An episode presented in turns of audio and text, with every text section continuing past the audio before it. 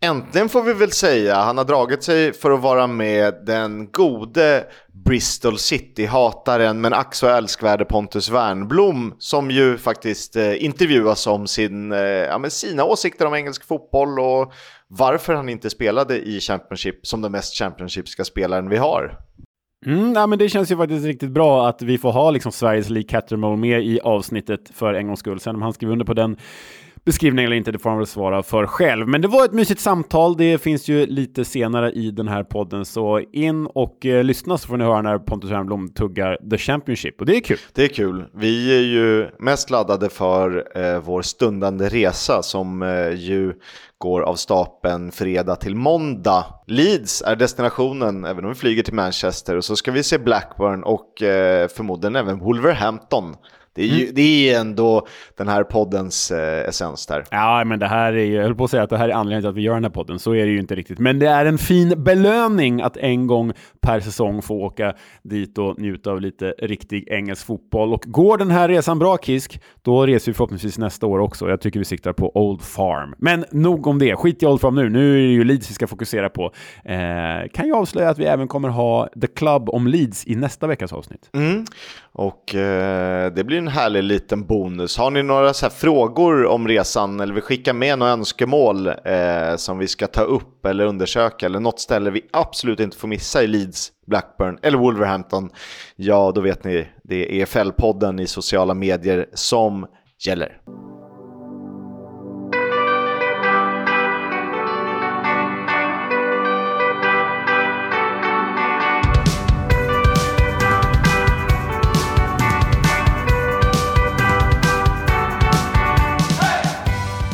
Det här är Footballs Coming Home, en podcast om det vi kallar riktig engelsk fotboll.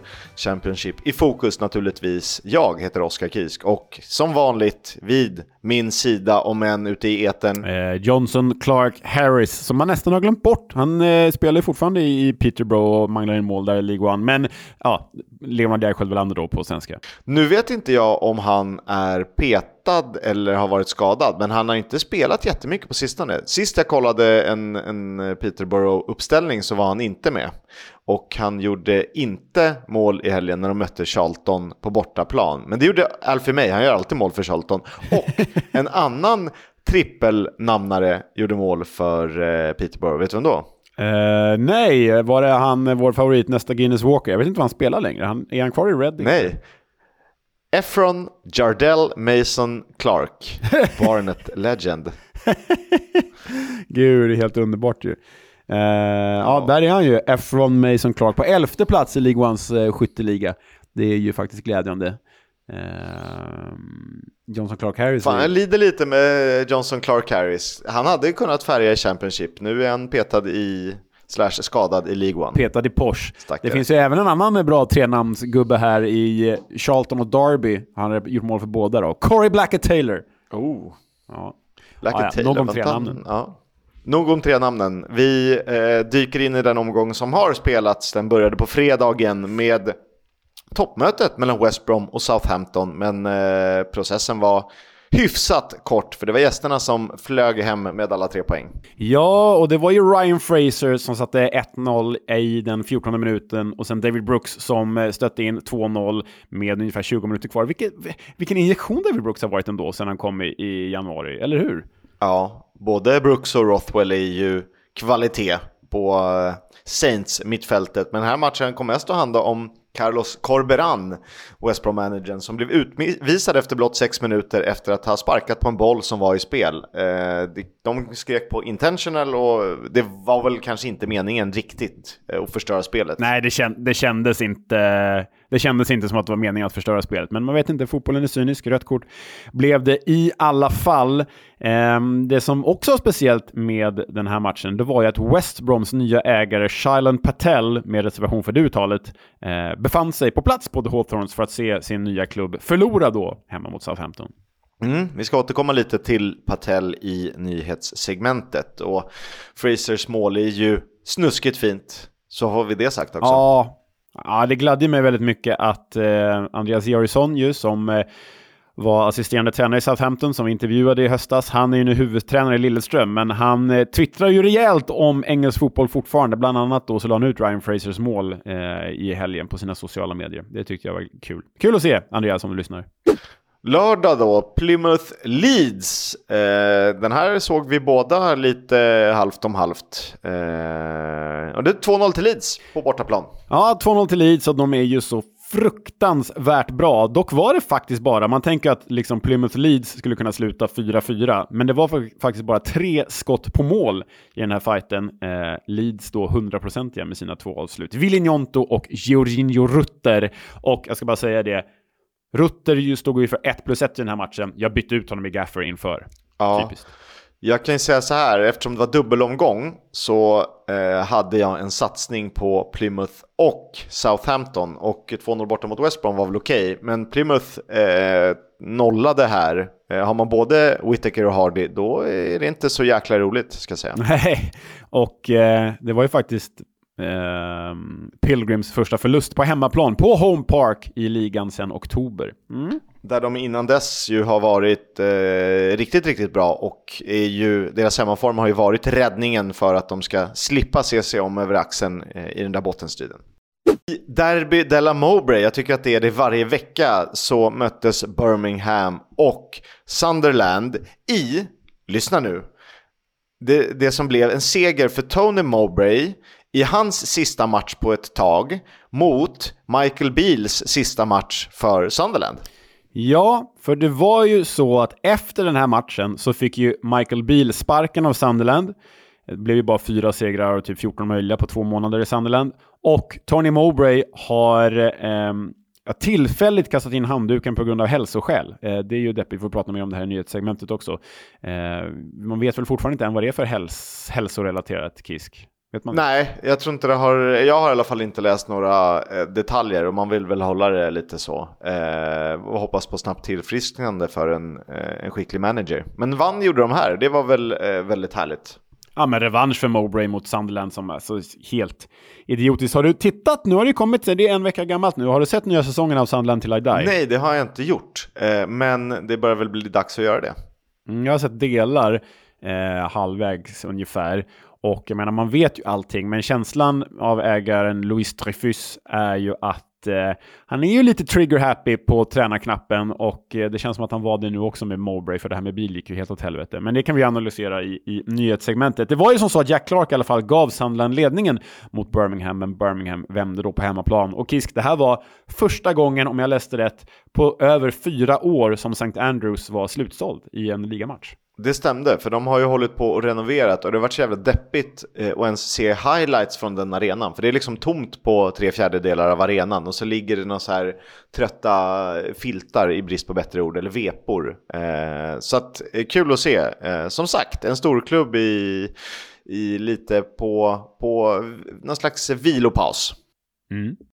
Sen är det ju en sanslös situation till 1-1. Det är, de, Birmingham har väl 3-4 eh, reella chanser att göra det där målet innan Jordan James eh, sätter bollen. Sen Koji Miyoshi till 2-1, seger för Birmingham alltså.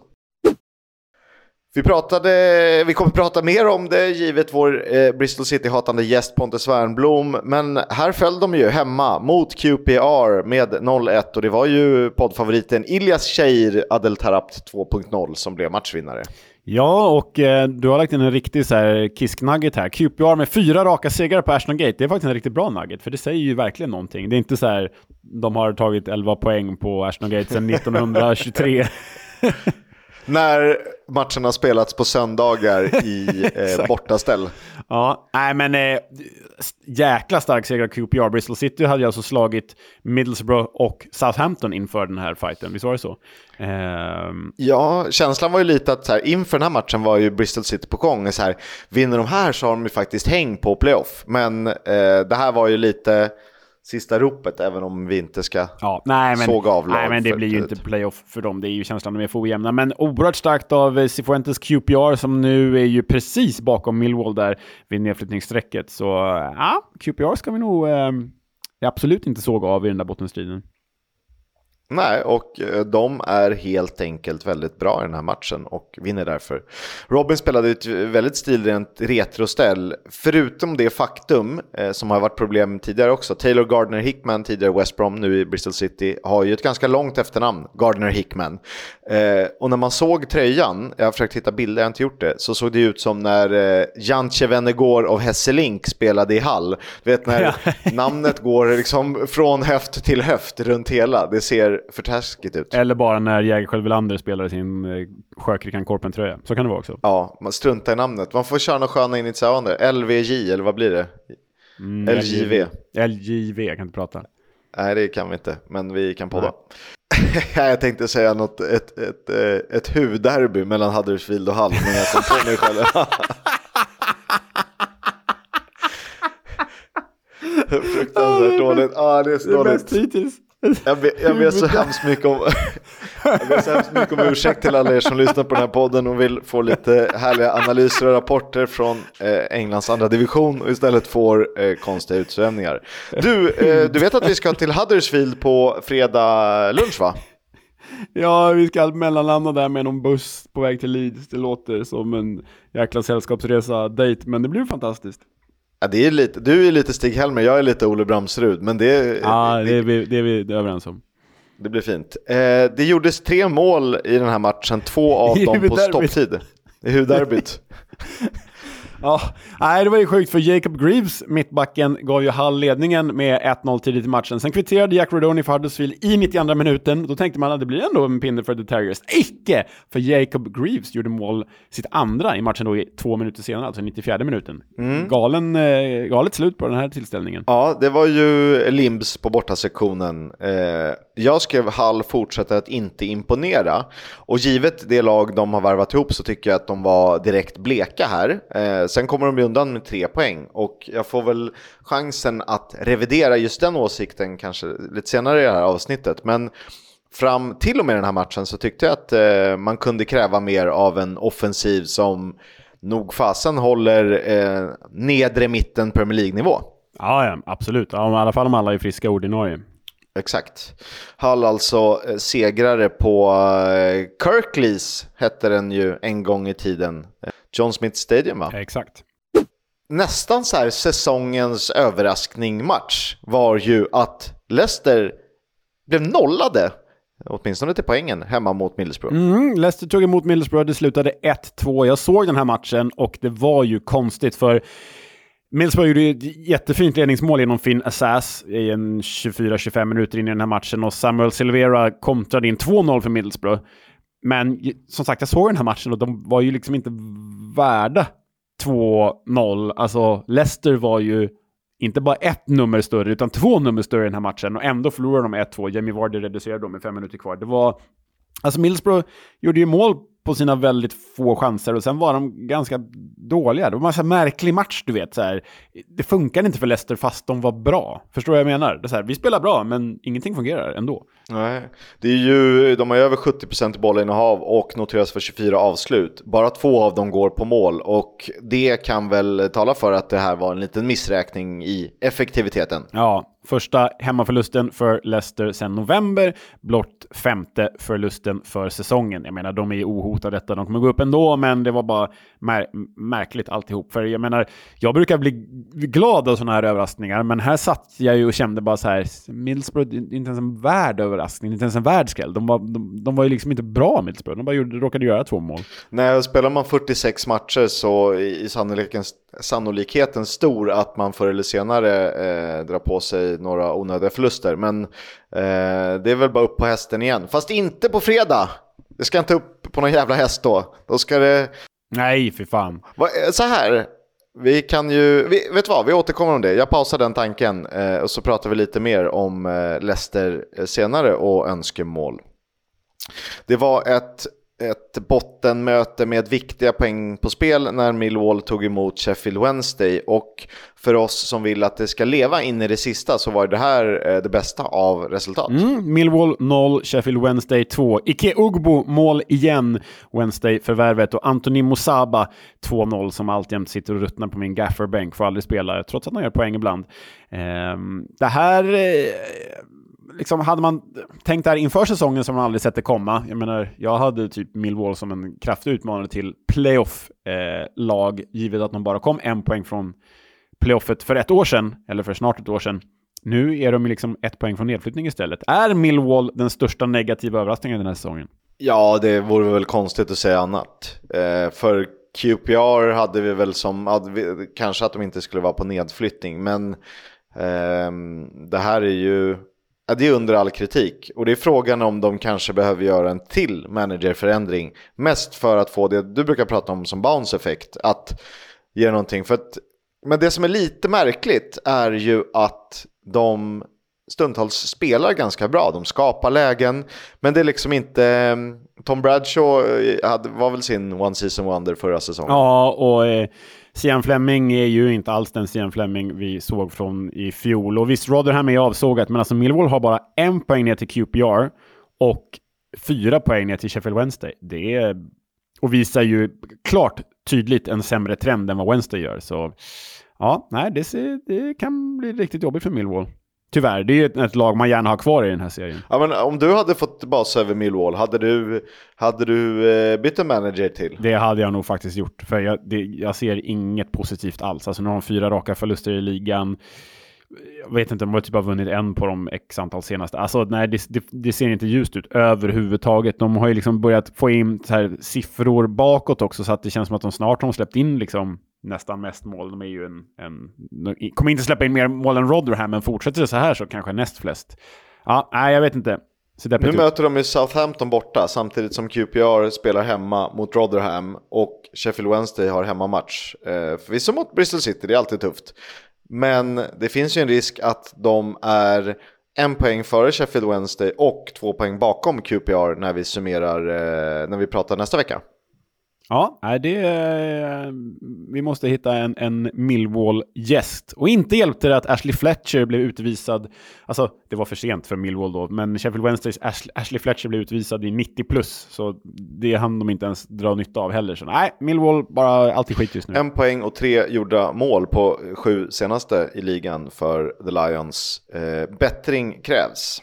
Du var helt rätt på det när du pratade Christian Fassnacht som bara gör fjärde målet. Men det var Cardiff som, som tog ledningen eh, på Carrow Road. Mm, genom Jamilu Collins som ju är en fin gubbe i det där Cardiff-gänget. Men det hjälpte föga när Josh Sargent Show satte igång. Han gjorde ju både ett och två mål när Norwich vände 0-1 till 4-1 seger.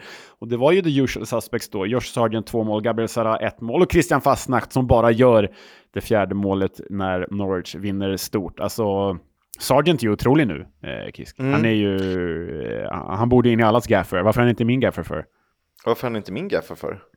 Ja. ja, det vet jag Nej, inte. Tack han... för att du sa det. Ja. För sent, jag har gjort mina byten. eh, Gabriel Sara sätter ju en jätte, jättefin frispark och honom, eh, han har ju i takt med att Norwich har hittat formen, han, har han hittat formen eller vice versa eh, beroende på hur vi väljer att se på det. Men eh, han är där och nosar på säsongens lag, det kan vi inte sticka under stol med. Nej, verkligen. Jag bara tittar, förlåt, jag återknyter till Sargent här. Sargent har alltså gjort en, två, tre, fyra, fem mål på de fyra senaste matcherna. Och backar man, backar man bak sex matcher har han gjort sex mål på de sex senaste. Mm, det, det är bra. On fire. De, de har ju lite härlig eh, spridning bland målskyttarna. Rowe har 12, Sargent har 10, Sara har 7, Fastnacht och Adam Ida har 6 och Ashley Barnes har förvisso bara 4 men han har ju varit inblandad i väldigt, väldigt många. Um, så det, det är nyttigt. Ja, ja nyttig. Det är nyttigt såklart. Eh, det här skulle man nog kunna säga att fyra mål var i underkant. Fina mål, eh, fotbollsmässigt också. Ja, verkligen. Mot ett Cardiff som ju bara faller längre och längre ner i den där tabellen. Erol Bulut satt under press, Cardiffs tränare. Preston North End började tungt mot Blackburn, men redde ut det där och fick åtminstone en poäng. Det här är ju ett riktigt derby ändå. Även om det inte är de värsta rivalerna så är det ju Lancashire derbyt Preston North End mot Blackburn. Blackburns värsta är ju Burnley då. Men eh, ja, som du säger. Blackburn ledde ju med både 1 och 2-0 Sami Smodic och Sam Gallagher innan Robbie Brady och Emil Rich Jakobsen kunde kvittera till slut för PNI. Dansken i stor, stor form ju. Mm, definitivt. Smodic, mål nummer 18 i ligan, 23 för säsongen. Men Robbie Brady, eh, ett snyggt. Han får väl tillbaka sin hörna som han sätter, skruvar in i bortre. Hans första mål sedan december 2019, då i Burnley mot Manchester City. Sen kan man ju säga att Pierce Ainsley Pierce, alltså Blackburns målvakt, blandade och gav. Eh, han tappade ju in 2-2 målet från Emil Ries faktiskt. Sen gjorde han ju en fin räddning på slutet. Eh, tyvärr tror jag ju att det är Ainsley Pierce vi kommer få se på Ewood Park eh, på lördag när vi ser dem mot Norwich och inte Leopold Wahlstedt. Det verkar tyvärr så om vi då får ha vår svenska agenda. Victor Johansson vaktade målet när Rotherham föll hemma mot Watford och det var en Yasser Asprilla som gjorde ett nytt drömmål. Mm. Eh, han är ju, börjar bli riktigt YouTube-kompatibel. Jäkla massa fullträffar faktiskt. Nej, men fint.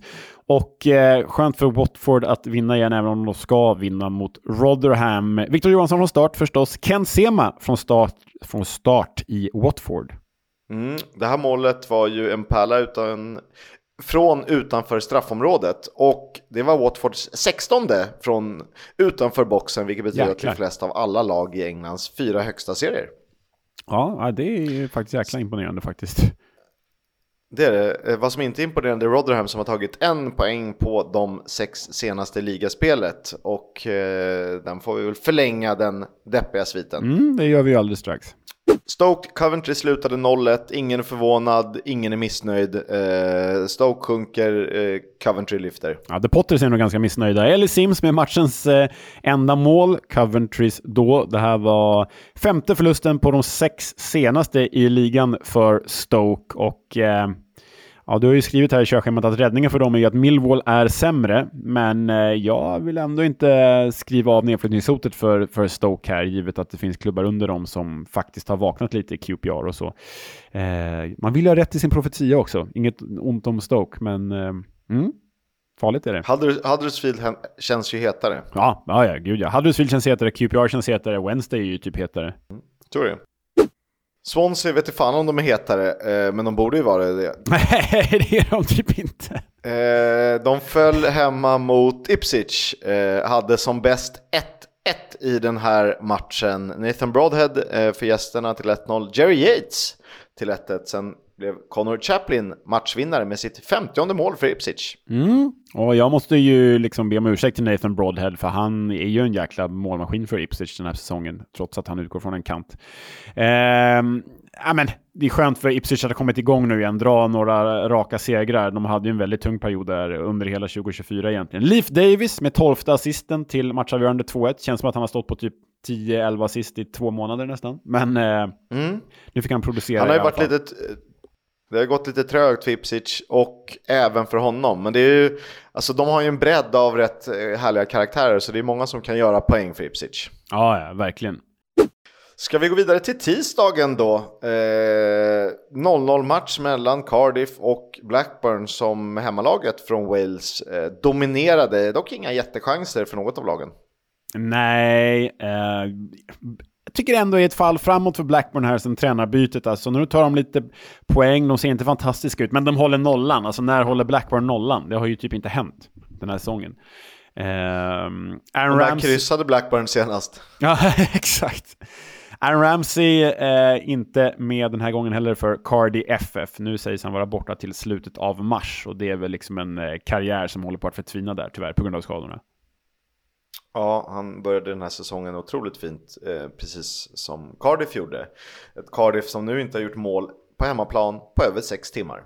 Ja, det är ju faktiskt helt sjukt. Det är, Cardiff har ju liksom tagit tillräckligt mycket poäng för att inte bli inblandade i den här bottenstriden till slut, men eh, de spelar ju som ett bottenlag nu. De är, känns ju väldigt hopplösa. Ja, det gör de. John Eustace första poäng för Rovers eh, räknade jag det här till. Desto fler mål blev det på Portman Road där Ipswich tog emot Rotherham och nog fan gjorde Rotherham en riktigt bra match här. De har bollinnehavet, de har fler avslut, eh, dock är fler på mål, men eh, hatten av för att de krigar och um, Kieran McKenna sa det att det är jobbigt att möta ett lag som bara släpper på allt och kör.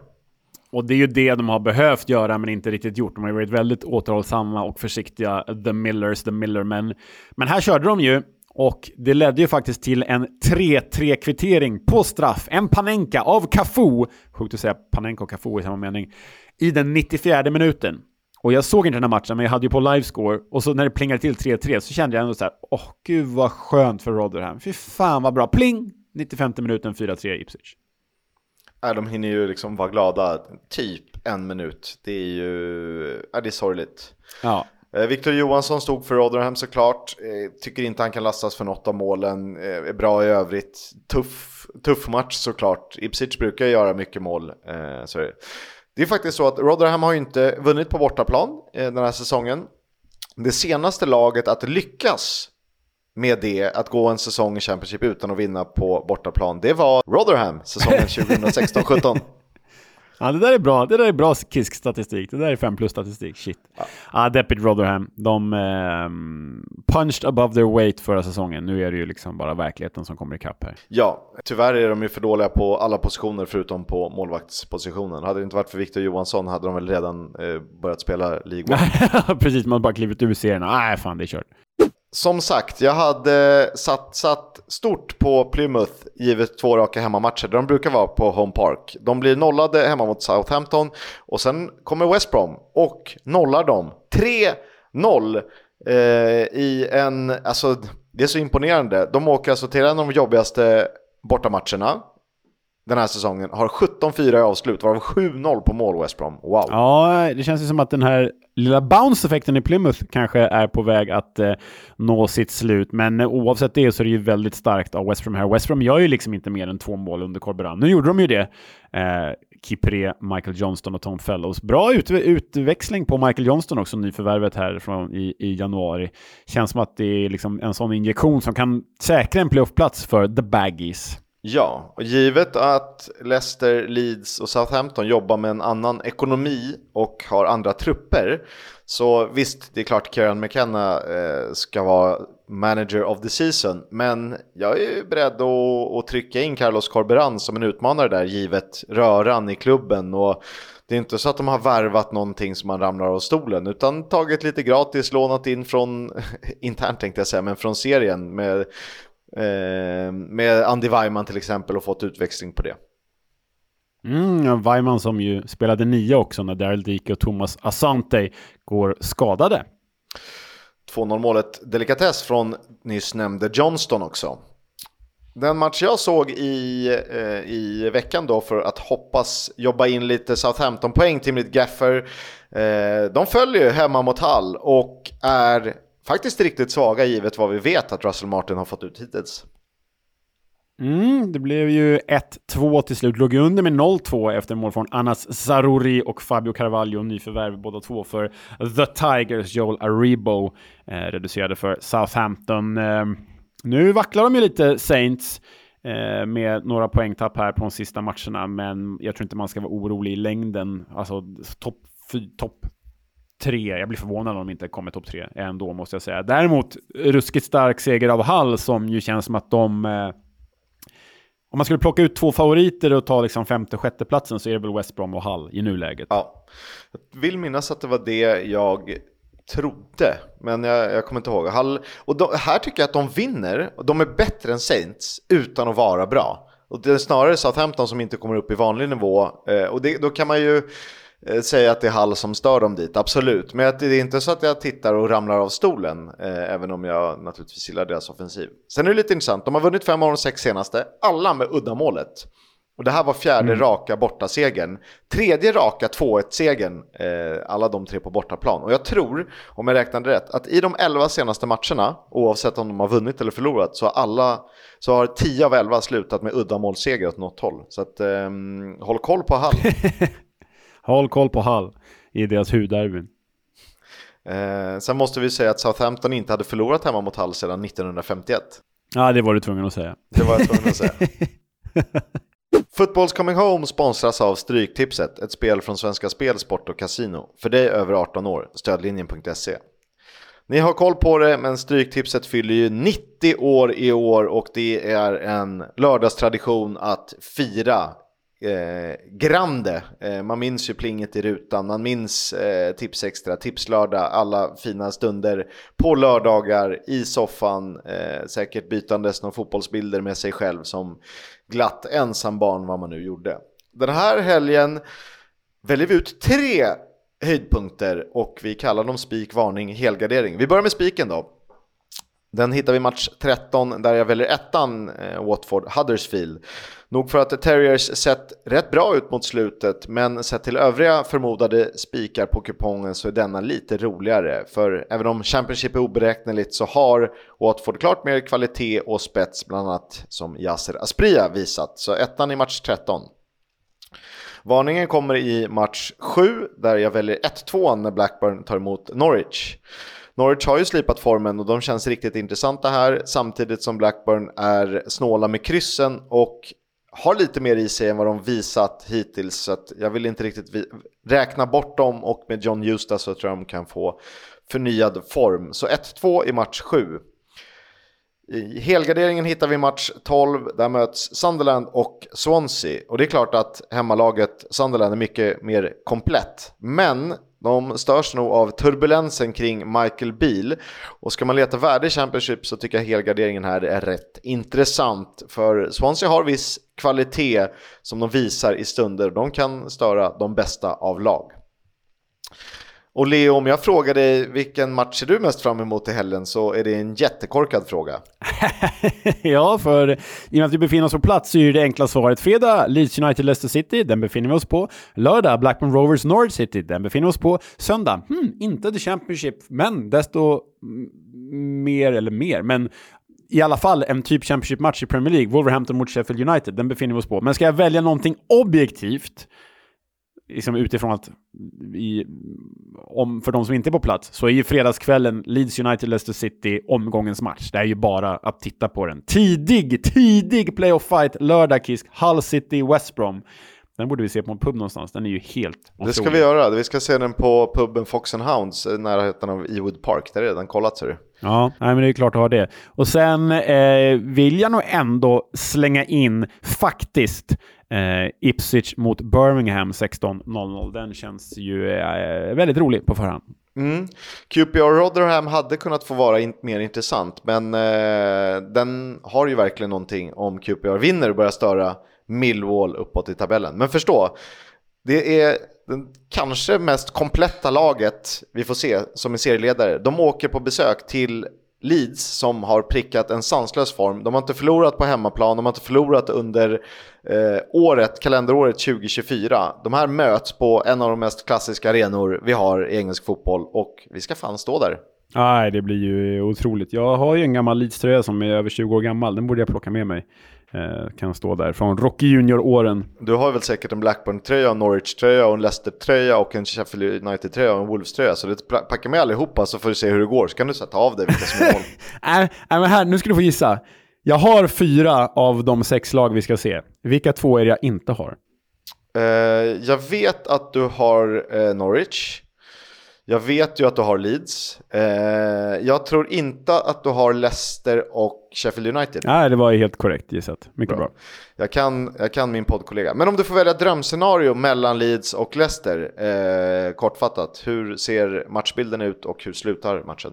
Eh, nej men jag, jag, om det är lag jag inte hejar på, när jag är på plats så väljer jag alltid hemmalaget att sympatisera med för att det är härligt med hemmapubliken när de får jubla och man får ryckas med i glädjen och så. Så drömscenario, Leeds vinner med 10-0 och vi får jubla 10 gånger liksom. Men det är mer realistiskt, Leeds vinner med 2-1 kanske, vore kul. Tänk eh, Leicester leder med 2-0 i paus. Leeds går ut och vänder och så avgör i 94. Då känns det som att det kan bli en lång fredagkväll. Ja, det vore, det vore roligt. Ja, så länge Leeds vinner blir det bra. Leeds, Blackburn och Wolves måste vinna givet att vi är på plats. André Breitenreiter är ny manager för Huddersfield och vem passar väl bättre att eh, berätta lite om vad vi ska förvänta oss av honom än vår kära tyske producent Kevin? Servus, gott folk alltid trevligt att få hoppa in här och göra ett lite tyskt inslag hos er. Ja, André Breitenreiter, född den 2 oktober 1973. Det betyder att han fyller 51 år. Född i Langenhagen i Tyskland och slog väl igenom, skulle man vilja kunna säga, i Paderborn när de spelade i Zweite Bundesliga. Det var faktiskt han som ledde dem till Bundesliga i klubbens historia för första gången. Det var då säsongen 14-15 de spelade för första gången i Bundesliga med då Breitenreiter. Det blev dock bara en säsong där, sen åkte de ner igen Sen ett par år senare åkte de upp igen, men då var inte Breitenreiter. Det här var en annan då. Det var Steffen Baumgart. Men honom ska vi inte prata om den här gången. André Breitenreiter då? Ja, vad hände med honom därefter? Han tränade bland annat Schalke och Hannover. där skulle jag vilja påstå. Det var väl i FC Zürich sen det bröt sig en liten positivare trend när han ledde Zürich då till ligatiteln. Deras första ligatitel sedan 2008. Ja, det var ett Zürich som vid det läget var nere i eh, nedre skiktet av tabellen och hade det tufft. Men Brighton lyckades vända på det och ledde dem till seger då säsong 21-22. Därefter blev det en liten kort visit i Hoffenheim, men den var inte så lyckosam. Och vad är han för sorts tränare då? Jo, han tycker om det här tyska som vi tyskar gillar. Han tycker om fart. Han tycker om offensivt spel och han tycker om gegenpressing på sitt sätt. Eh, det man också ska påtala är just det här vertikala spelet han tycker om. Att spela väldigt vertikalt och eh, han, han brukar oftast ha två sittande mittfältare om det finns möjlighet till det. Och han är ändå en tränare som eh, går mycket ut efter spelarmaterialet och kan bygga någonting därefter. Så det här är en väldigt intressant tränare tycker jag att se i Huddersfield. Eh, han har ju under sin tränarkarriär aldrig haft ett lag som kanske haft de här bästa av bästa spelare i sin trupp. Så det här är ju, ja, all respekt till Huddersfield då, men det är rätt så gynnsamt ändå då att, att få in en tränare som eh, vet hur det är att försöka vända på varenda sten för att få till det där lilla extra. Men, eh, mm, vi får allt se om han lyckas i Huddersfield. Jag håller tummarna i alla fall. Jag är i alla fall glad att vi får ännu en tysk i Championship. Så det är bara att ringa när ni vill höra mer av tysken. Auf Wiedersehen! Tack för det Kevin. Kevin är ju ja, men, eh, bäst på tysk fotboll i Sverige. Han skriver Fotbollskanalen om eh, Bundesliga och eh, storlagen där och eh, eh, har ju även poddat om tysk fotboll. Kevin är eh, fotbollsoraklet ni behöver när det kommer till den tyska fotbollen. Jag vill bara säga, jag har ju liksom ett litet möte med André Breitenreiter. När jag sände Bundesliga på Eurosport för tio år sedan, då tränade han ju Paderborn när de gick upp i Bundesliga, så jag har gjort någon sändning med honom. Och för den som orkar youtuba Slatko Junusovic freekick, så kommer ni se det snyggaste frisparksmålet i världshistorien när Slatko Junusovic gör det för Werder Bremen mot André Breitenreiters Paderborn. Mm. Kul googling. Tony Mowbray tar en tillfällig paus på grund av sjukdom borta 6 till 8 veckor. Det blir ju då liksom eh, hans eh, tränarstab som kliver upp och tar ansvaret här och det här kan ju faktiskt påverka Birmingham rätt negativt. Det skulle absolut kunna göra. Nu känns ju de ganska safe. De behöver inte oroa sig för nedflyttning och de ska definitivt inte börja kolla uppåt mot playoff givet deras, deras dåliga beslutsfattande tidigare. Men eh, tråkigt såklart. Vi hoppas att han är så frisk som möjligt så snart som möjligt. Michael Beal har fått sparken från Sunderland och har du läst hela den här, det som har uppdagats kring hans falska Twitterkonto? Eh, som heter typ... Nej, jag läser det nu i körschemat. Det här låter ju helt sjukt ju. Han har ju haft ett konto har någon lyckats gräva fram som heter typ player-id på Twitter.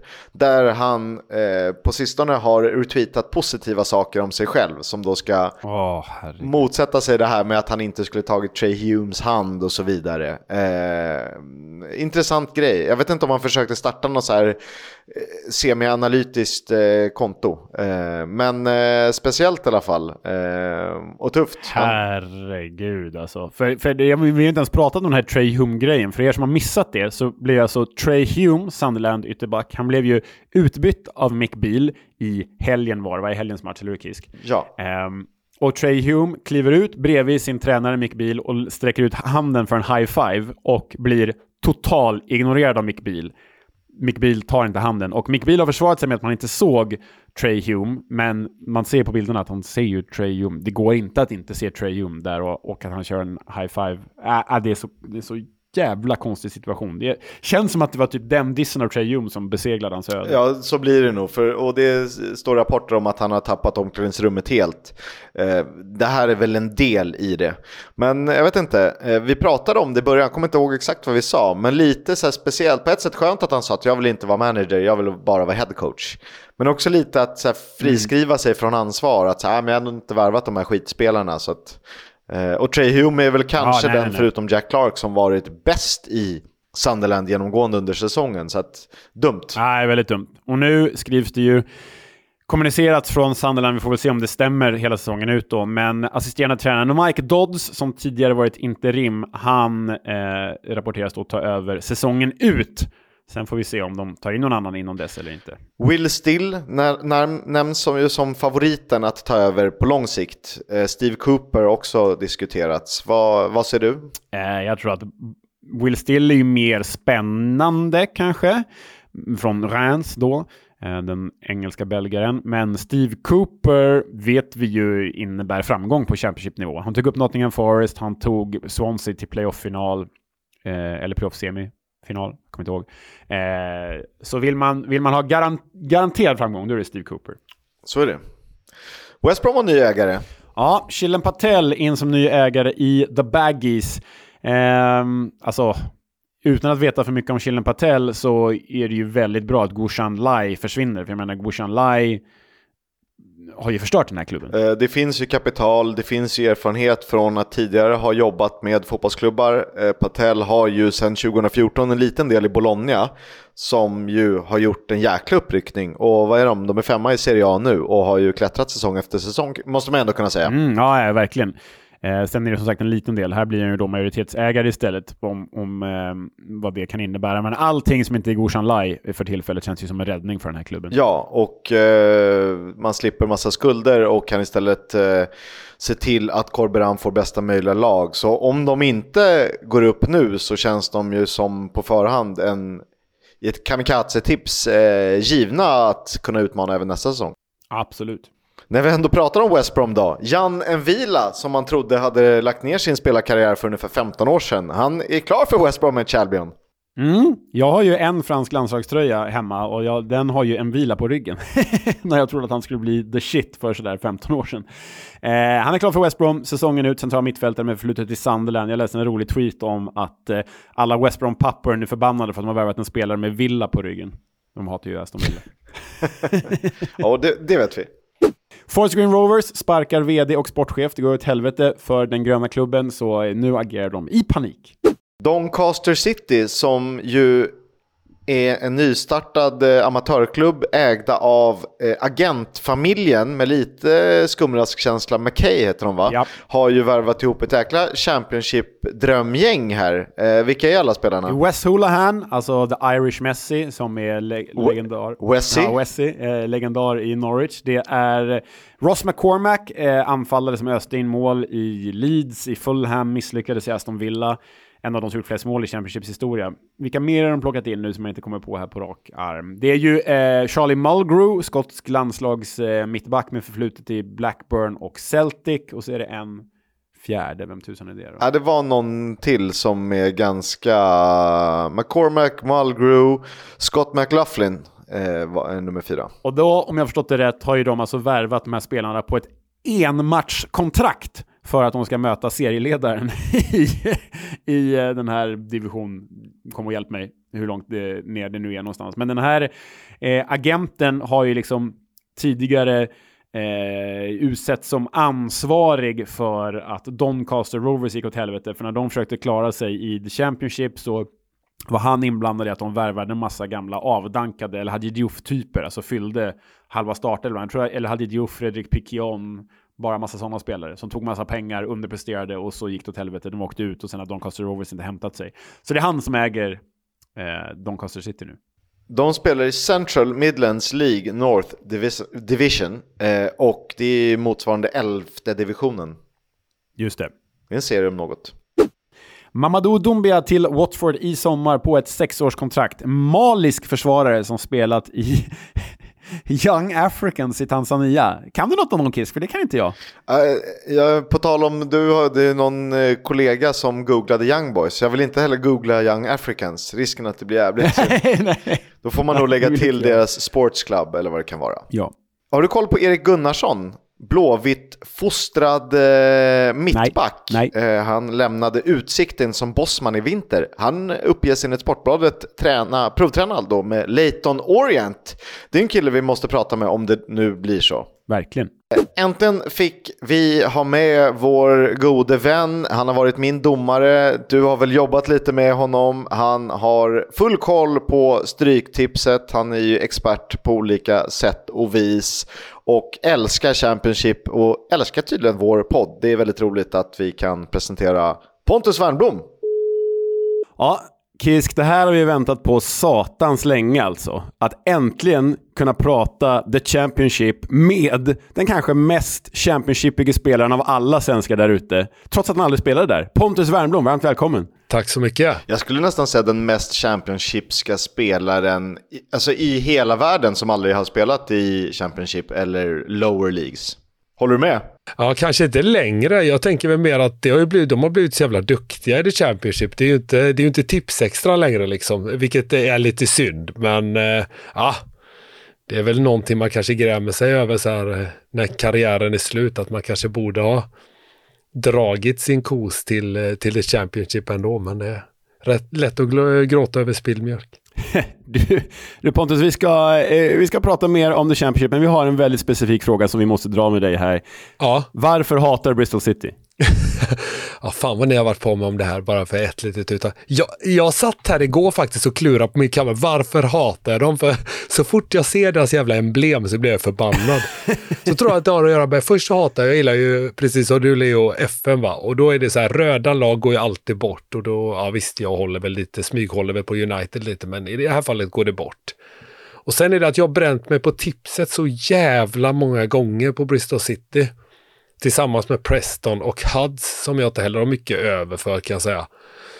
Och eh, tredje grejen, profillöst lag. Jag tycker att jag har hyfsad koll nu när jag är någon form av eh, skribent i alla fall på Svenska Spel om de flesta lagen i, i The Championship. Men Bristol City har jag rätt dålig koll på. Det är liksom, det är ingen som fastnar där eh, riktigt. Och eh, det fjärde då, att det också finns ett annat lag som heter Bristol Rovers, vilket stör mig då att man har två lag som heter ungefär samma. Det, det irriterar mig. Så det, det, är inga starka argument för varför jag hatar dem, men det är det jag kan komma på. Så, så Manchester City ska inte heller få existera? Nej, det hade varit rätt bra om de hade försvunnit från, jordens yta. Det, det, det tycker jag nog. Det är du för sig inte ensam om. Men när du spelar manager, är du alltså konsekvent anti alla röda lag bara för att du har spelat i Blåvitt? Uh, ja, faktum är att min, min modersklubb var röd, så egentligen borde det inte finnas något hat Jag vet inte varför jag är det, som någon jävla tjur eller något. Jag klarar inte av att se det. Det blinkar rött så blir jag helt uh, rabiat. Nej, det går bara inte. Så det är svartvitt helst om man, uh, om man är, spelar manager. Mm, var den värsta färgkombinationen, nu är det här ett stickspår, men det var ju på gamla Championship Manager-tiden när det inte fanns någon grafik och man spelade med eller mot sedan i Frankrike. Det var ju grönt på rött. Det var helt sjukt. Vidrigt. Helt sjukt var det.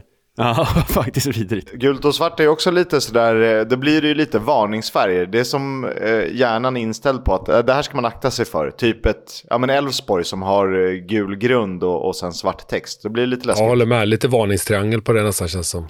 Men du, ehm, förutom ditt Bristol City-hat och att du har svårt att få in Mark Sykes i skallen, vad är liksom Championship-fotboll för dig? Uh, nej men lite det som jag var inne på, uh, någonstans tipsextran såklart, uh, som ligger till grund för det.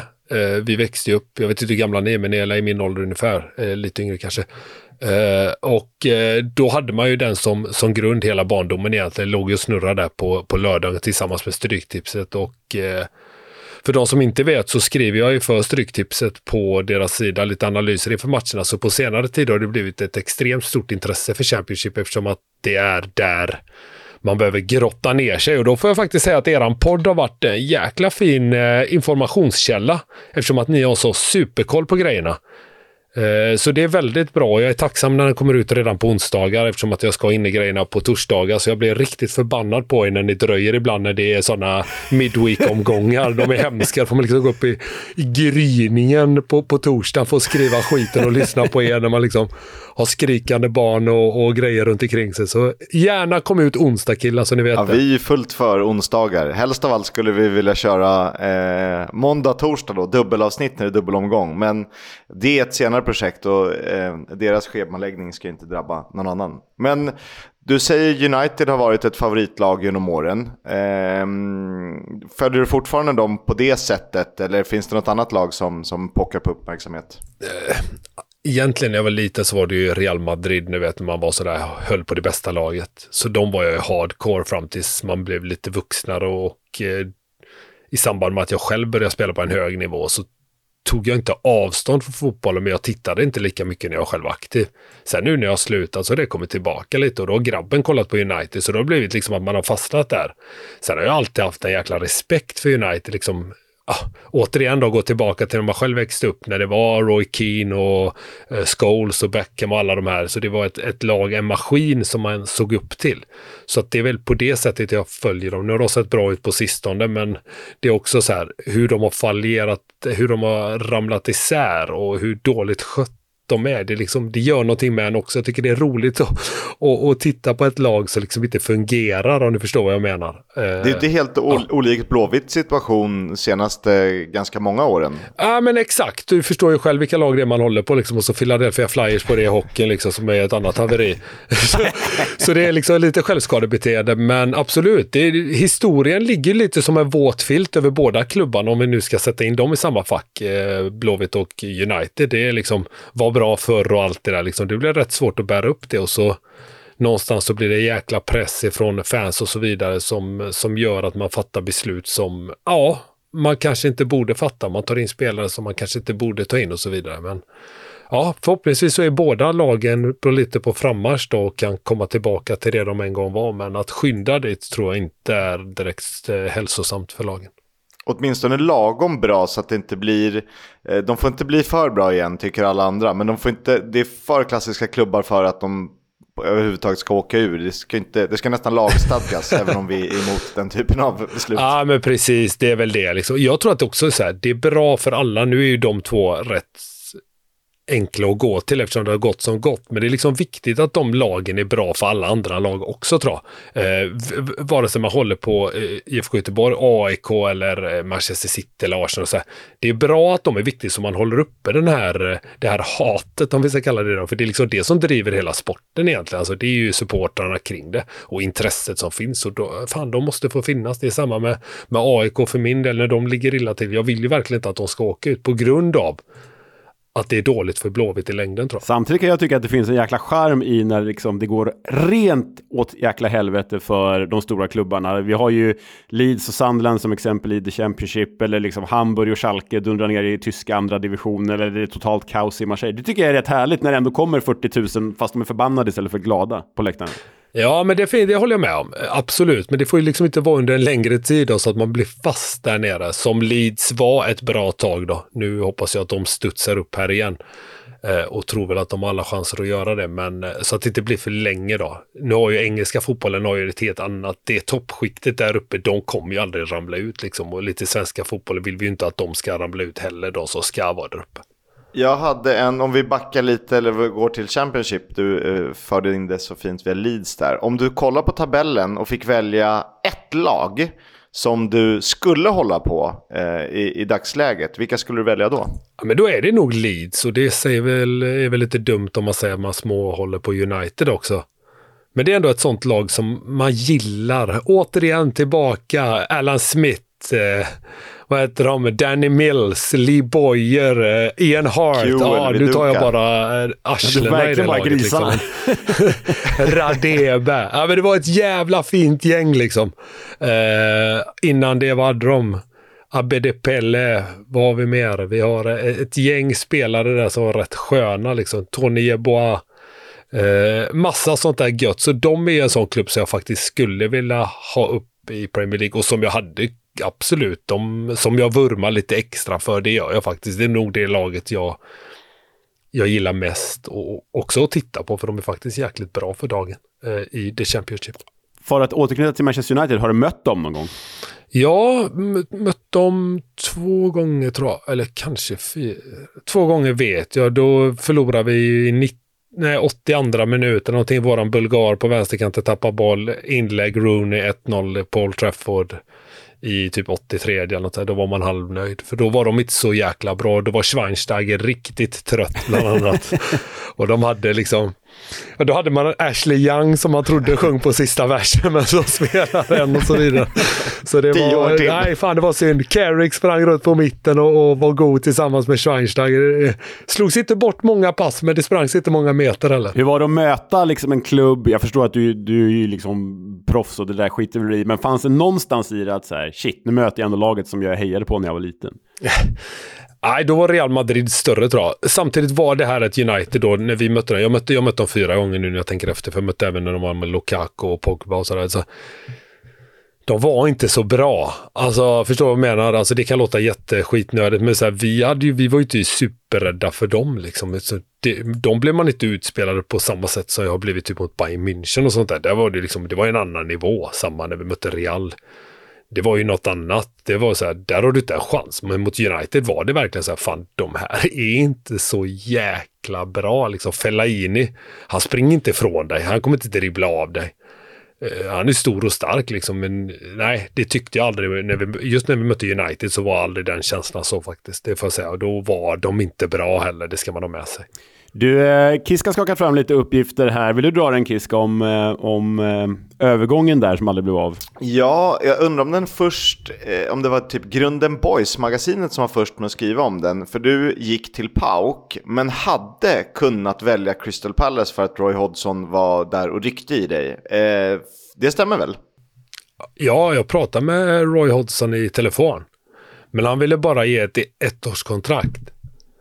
Eh, och då sa jag okej, okay, men det känns konstigt liksom att rycka familjen ett år. London i och för sig, men äh, så kom Pauk med jävla tre, fyra års avtal liksom som var, bara, men då tar jag ju det liksom. Det var, och det kändes rätt så intressant med tanke på vart de var och så här lite, lite europeisk fotboll och sånt där. Jag har ju alltid valt lag. Nu har jag inte kunnat välja så mycket, men jag har haft turen att välja lag som faktiskt går för titlar att spela ett lag som krigar för, jag vet, jag har varit någon gång i Blåvitt där när man hamnar långt ner. Det, vet, det blir ingen rolig stämning. Det blir inte roligt att gå till jobbet när man liksom hela tiden kniven mot strupen, att man ska vinna varenda match, eh, eller snarare vinna matcher för att överleva. Och vad heter det, Crystal Palace var där nere hela tiden de hade ju Saha som var riktigt bra. Det sa Roy Hodgson också. Vi har Zaha, han gör allt liksom.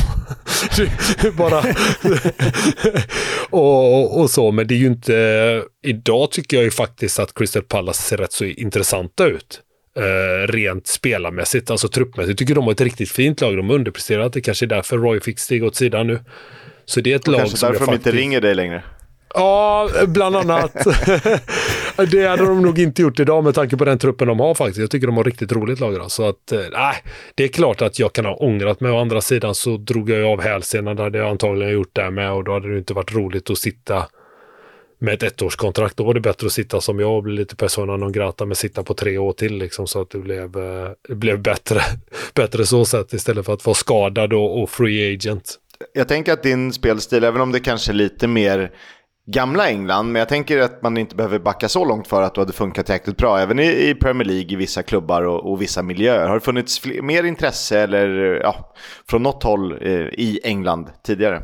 Än det där. Mm, nej, inte så konkret. Sen är det väl alltid vad agenterna har sagt, så intresse har det väl funnits från de ja, men lower teams. Men det var aldrig intressant för mig som sagt, eftersom att jag hade, när jag spelade Holland, spelade jag AZ, vi var ändå med i toppen. Jag drog därifrån låg vi etta tror jag på vintern.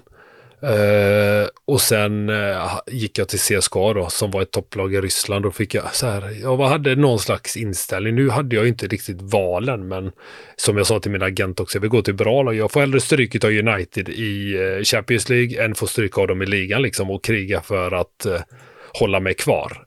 versus då att vinna en titel, ett gäng titlar i Ryssland eller Grekland för att möta dem i Champions League sen.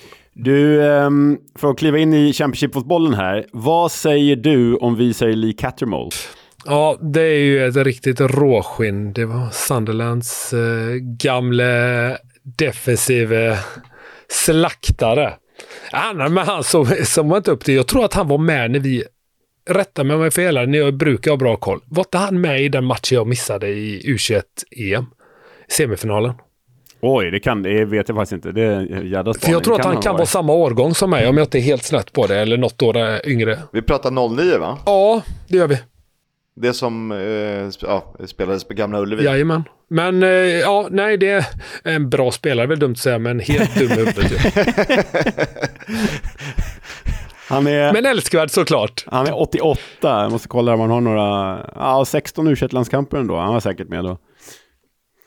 Men eh, jag tänker att det är bara någonting här som, som eh, man liksom försöker passa in dig i din profil i Championship-fotbollen. Det känns som att du skulle kunna gilla den typen av spelare. Liksom, dum i huvudet, råskinn, eh, shorts upp till bröstvårtorna, höga strumpor. Ja, men är inte han lite Championship personifierat då? Alltså den typen av spelare är ju det som, nu är det ju inte så längre, men det som man har på näthinnan när man tänker i Championship. Jag tror för folk som kom utifrån tänker på det Championship så tänker du på den typen av spelare, även om det inte är fallet längre, tycker inte jag. Jag tycker att eh, nivån är riktigt hög på The Championship nu för tiden. Hur bra tycker du ligan är då? När vi hade Bojan Djordjic som gäst för, vad blir det, två år sedan Kisk, då sa ju Bojan att det var typ Europas åttonde bästa liga. Vad, vad, hur ställer du dig till det?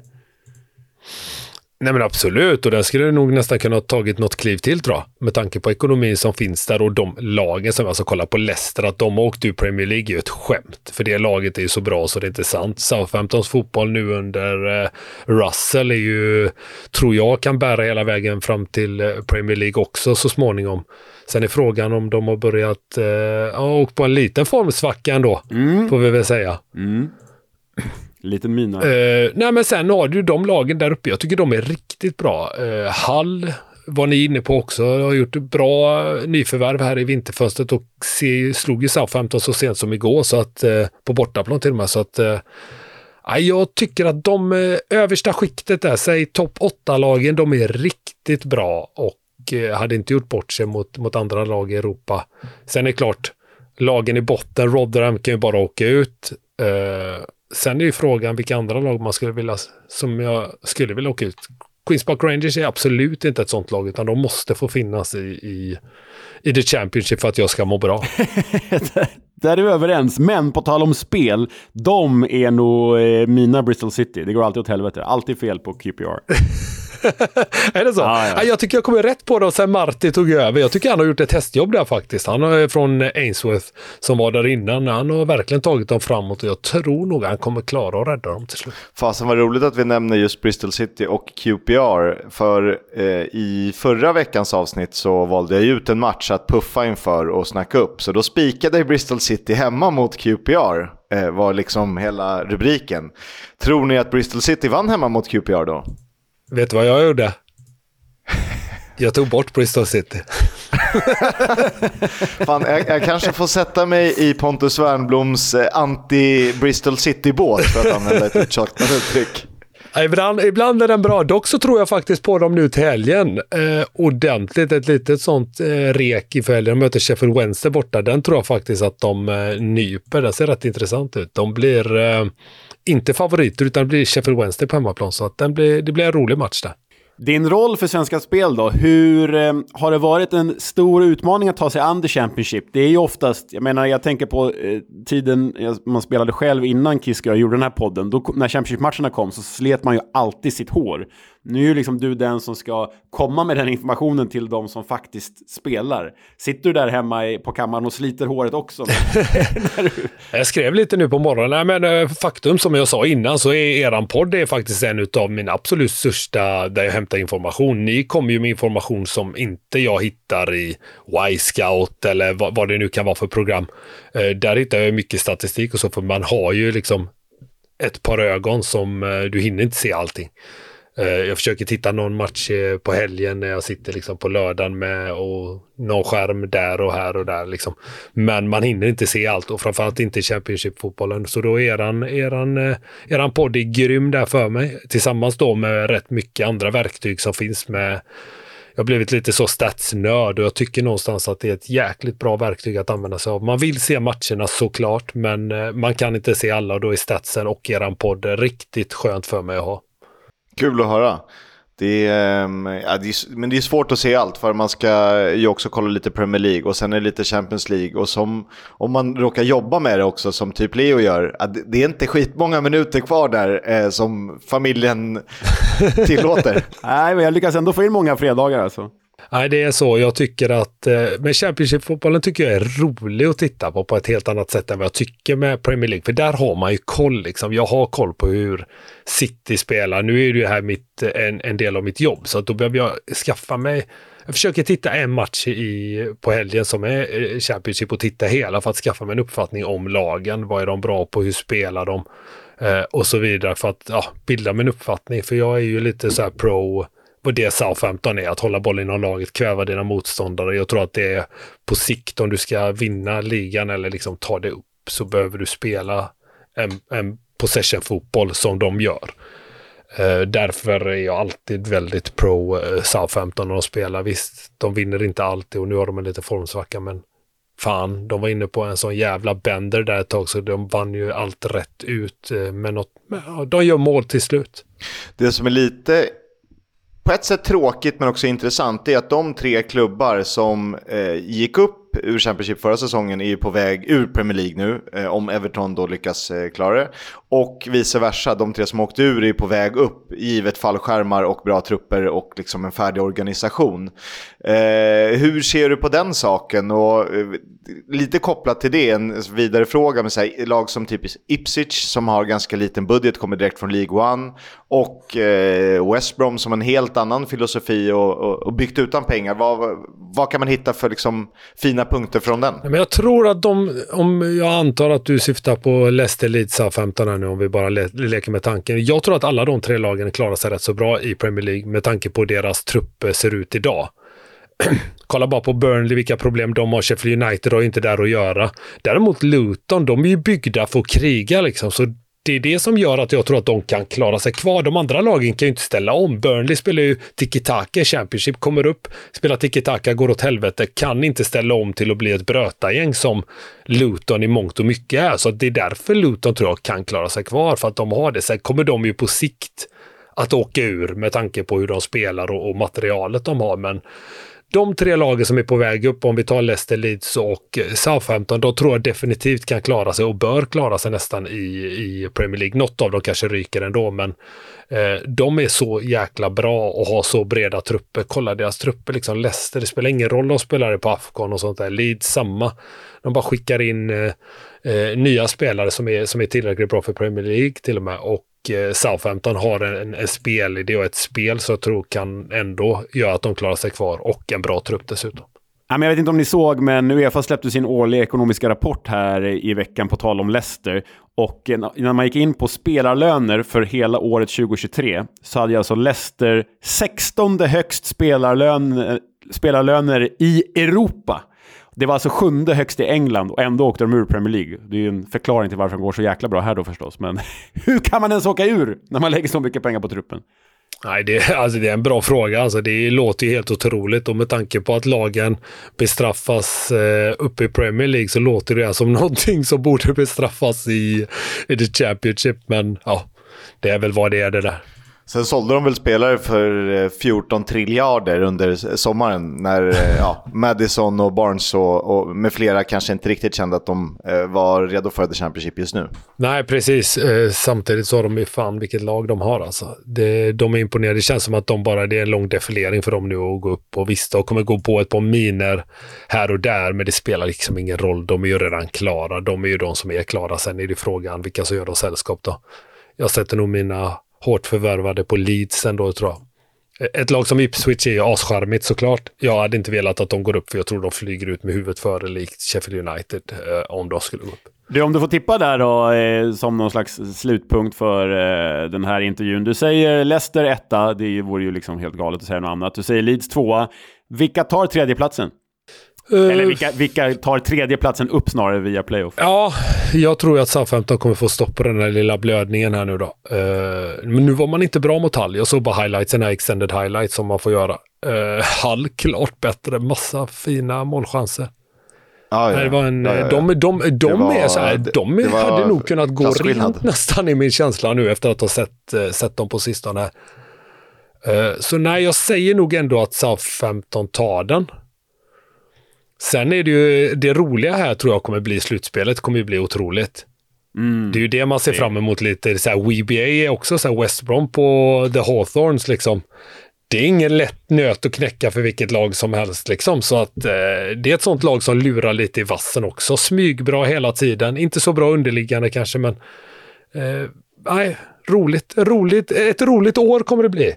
Det, är ingen som, det, det känns inte heller som det pratas om så mycket i England. Förstår, förstår lite att det gör det i lokalpressen, men jag tror inte man pratar så mycket om West Brom som någon slags utmanare, utan de får ligga där och fiska, så torskar de någon match, så kan de andas lite, så vinner de tre och så får, har de lite häng. Och de släpper inte till så jäkla mycket bakåt, så att, eh, du är nog rätt på det att playoffet blir bra. Det En, en fråga till er då som är experter på det här. Ja. Ett lag som jag har fastnat för mig på sistone är Norwich. Vad, vad säger ni om dem? Är det ett lag som kan nypa en slutspelsplats? Det känns som att de flyger fram. Jag har sett dem lite faktiskt. Jag satt och tittade på dem för, någon, för några matcher sedan och jag bara, vad fan, hur kan de här vara så dåliga? Jag tittar på underliggande siffror, är svindåligt. Men nu på sistone har det också börjat ändras lite samtidigt som då resultaten har börjat trilla in. Alltså det känns ju som att sen Josh Sargent kom tillbaka så är det ett helt eh, annat Mm. lag. Och det är väl orättvist mot, mot resten av truppen och mot David Wagner att säga att allt är hans förtjänst. Men det känns som att det har hänt någonting, någonting klickat som var riktigt risigt. För i vår tränarranking så rankade vi ju David Wagner sist av alla. Där i vintras. Jo, men det förstår jag. Det är väl inte helt fel, men jag håller med dig sen Sargent kom tillbaka. Han, det är ju mål, målgaranti på han och Whittaker är det väl som bara öser Ja. in mål. Liksom. Så man vet det är ett mål per match i princip. Och den, det är, ni som hör det här har redan hört vår analys av veckan eller helgens matcher. Men de har rätt fin spridning också på målskyttar och, och framspelare. Nu Rowe har ju varit skadad, eh, men ändå har de Sargent, de har en Ashley Barnes som kan göra ganska mycket nytta. Gamla skolans anfallare. Gabriel Sara som ju på sin dag kan vara seriens bästa spelare. Och så en Fastnacht eh, som kommer in som någon... Eh, Som alltid petar in ja, fyran. Han gör bara fjärde målet. Alltid fjärde målet. Det är fan sjukt att han gjorde det nu sist också. Jag Nej, skrattade det- faktiskt högt när han gjorde det efter det senaste avsnitt. Ah, han, är ju, han är ju för Norwich vad Zlatan var för Juventus. Alltid 4-1 målet mot Brescia liksom. Det känns, jag känner mer som en sa- Salajeta faktiskt. Ja, ännu mer som Åh, fin! Salajeta. Nej, men Norwich, det är ju, det är också, har ju varit en av våra målsättningar här i podden, att vi kör ju vår årliga resa som nu bär av till Leeds på, på fredag. Men eh, nästa år hoppas jag att det blir Old Farm ju, Norwich mot Ipswich. Ja, snyggt. Ja, Nej, men vadå, ska Norwich bli sista orden här eller? Det kanske får bli så. Jag tycker vi går ut på Norwich.